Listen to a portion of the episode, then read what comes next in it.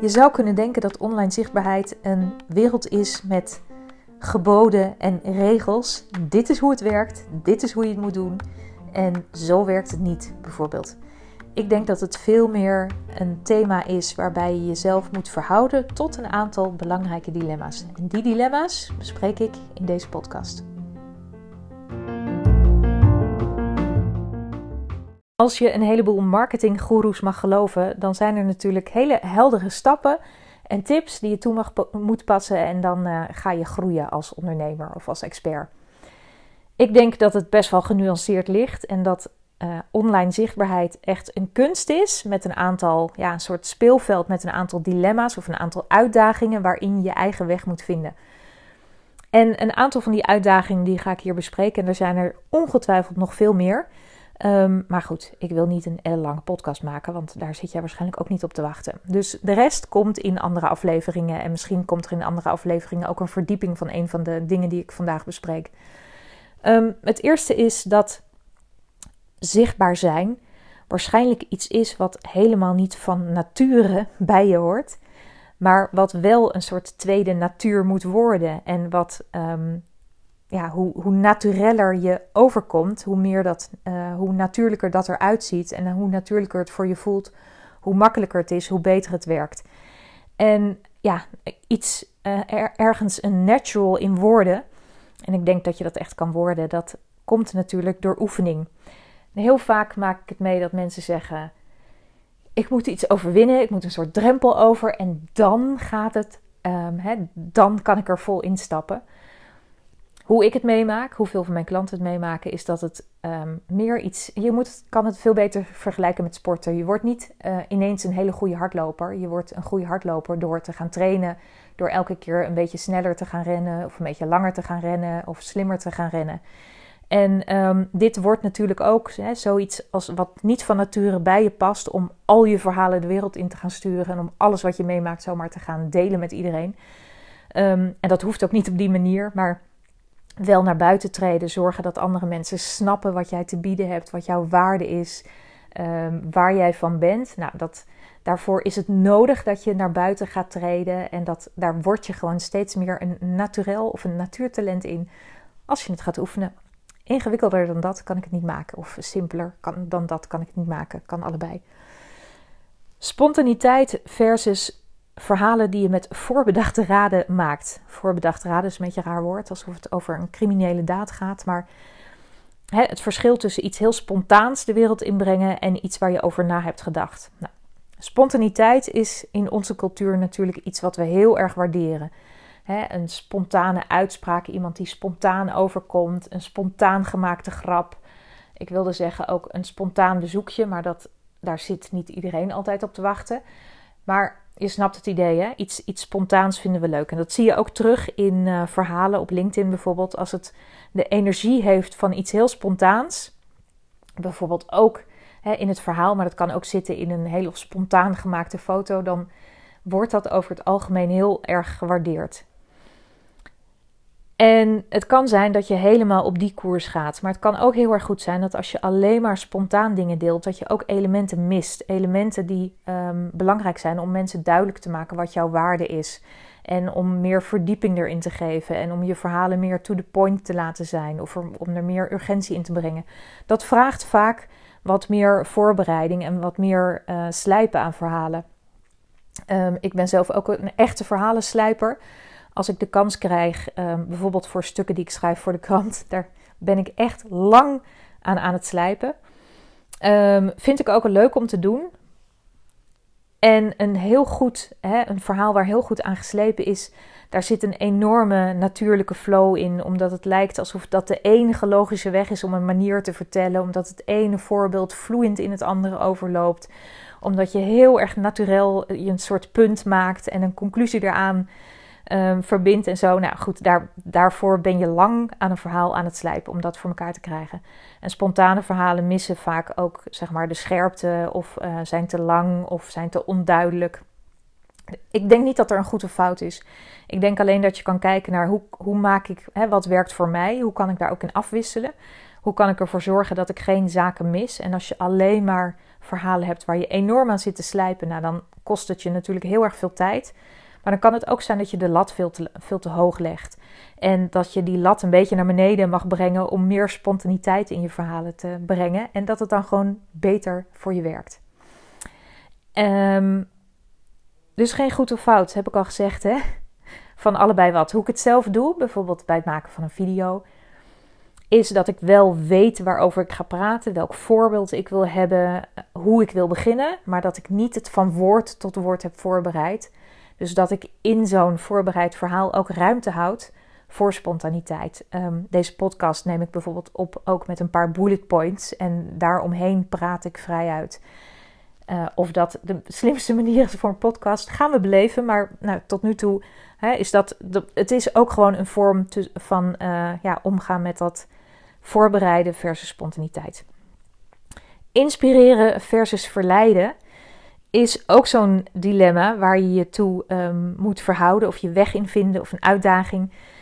Het is natuurlijk hartstikke leuk als je inspirerend bent en als je door andere mensen als inspirerend wordt gezien. En misschien wil je ook gewoon alleen maar verhalen maken die inspireren. Nou, kan hartstikke goed zijn, maar als je ook ondernemer bent en wilt groeien, dan zul je ook verhalen moeten gaan vertellen om te verleiden. En verleiden klinkt misschien een beetje manipulatief, of alsof je mensen in beweging krijgt, terwijl, of in beweging brengt terwijl ze dat eigenlijk niet willen. Ik denk dat het super uh, mooi is om te kijken waar inspiratie en verleiding steeds meer in elkaar kan vallen, waar het elkaar kan overlappen. Want als, als je wil groeien, dan kom je er niet met alleen maar inspirerende verhalen.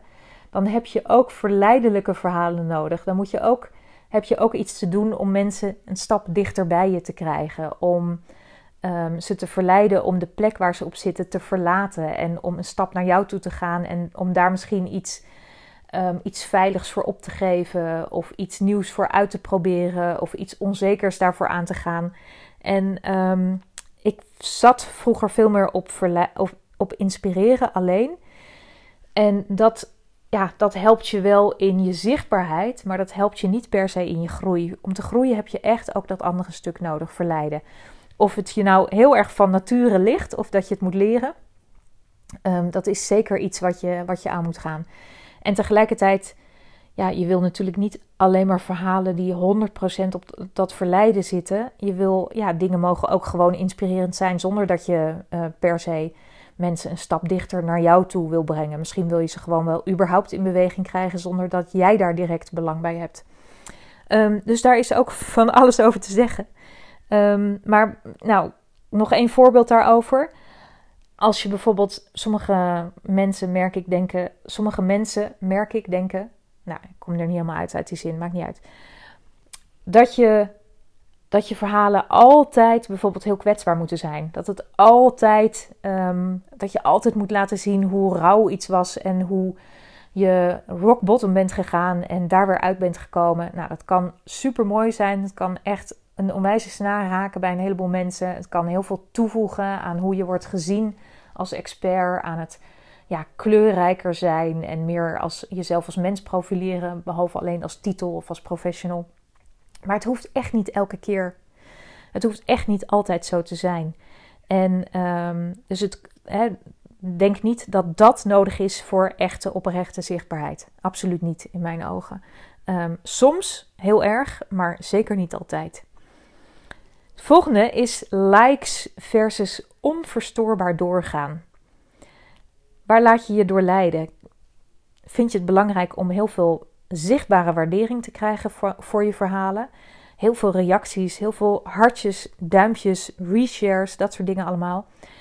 Um, en is dat belangrijk voor groei? Of durf je, ja, maakt dat niet zoveel uit en ga je onverstoorbaar door? Ook al is daar niet zoveel waardering voor. En dat lijkt dan een beetje alsof je een soort ja, um, struisvogelpolitiek. Hè? Van niemand vindt het leuk en jij gaat lekker door. Hallo, heb je wel in de gaten? Weet je wel, je moet een beetje aan de knoppen draaien. Je moet met wat leukers komen. Maar daar is echt veel meer over te zeggen. Um, je kan heel veel verhalen maken die heel veel waardering krijgen en toch niet zo erg groeien als ondernemer, omdat je verhalen gewoon vooral leuk en inspirerend zijn. En je kan heel onverstoorbaar doorgaan um, En wel heel erg groeien. Dus heel, heel aan de buitenkant heel weinig zichtbare waardering krijgen. En toch de goede toon raken bij de goede mensen die niet zo erg um, reactie gemotiveerd zijn, maar die wel het gesprek met jou aangaan en wel klant met jou worden. Ik heb echt voorbeelden van allebei gezien. En je kan niet zomaar zeggen, hè, als je weinig likes krijgt, dan zit je op de verkeerde weg. En als je er heel veel krijgt, zit je op de goede weg. Daar, zit echt, er ligt zoveel meer nuance in. Dus wat mij, ja, wat daar dan wel een tip over. Ja, wel een tip.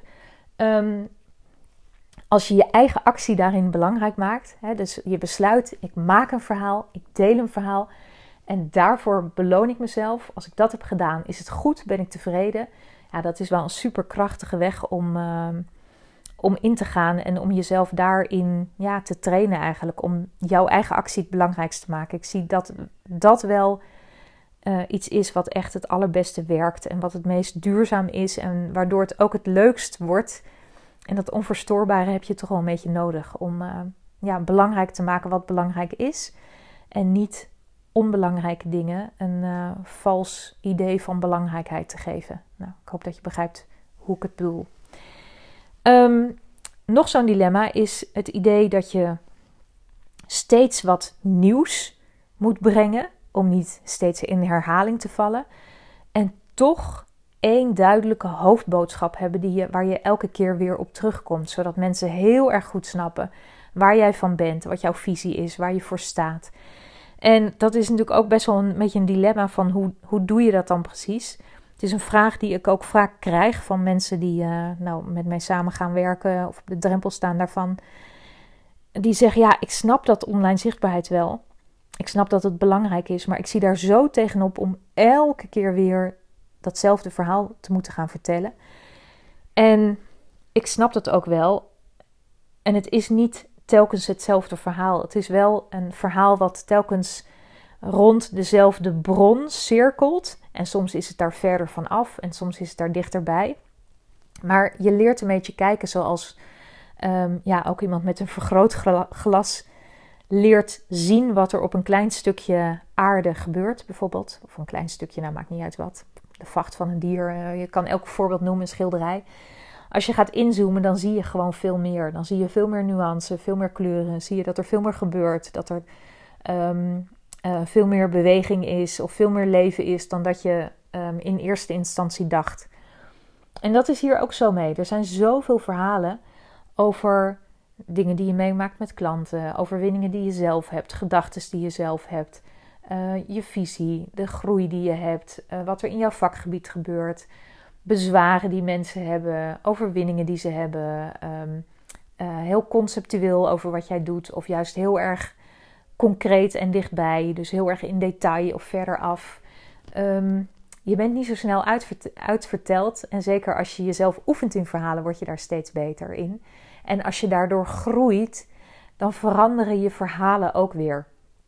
dan, dan is dat een, een zelfvoedend systeem eigenlijk. de verhalen die je vertelt trekken nieuwe mensen aan. Of nou, mensen die beter bij je passen, kansen die beter bij je passen. En op basis daarvan creëer je weer nieuwe ervaringen. En daar creëer je weer verhalen over.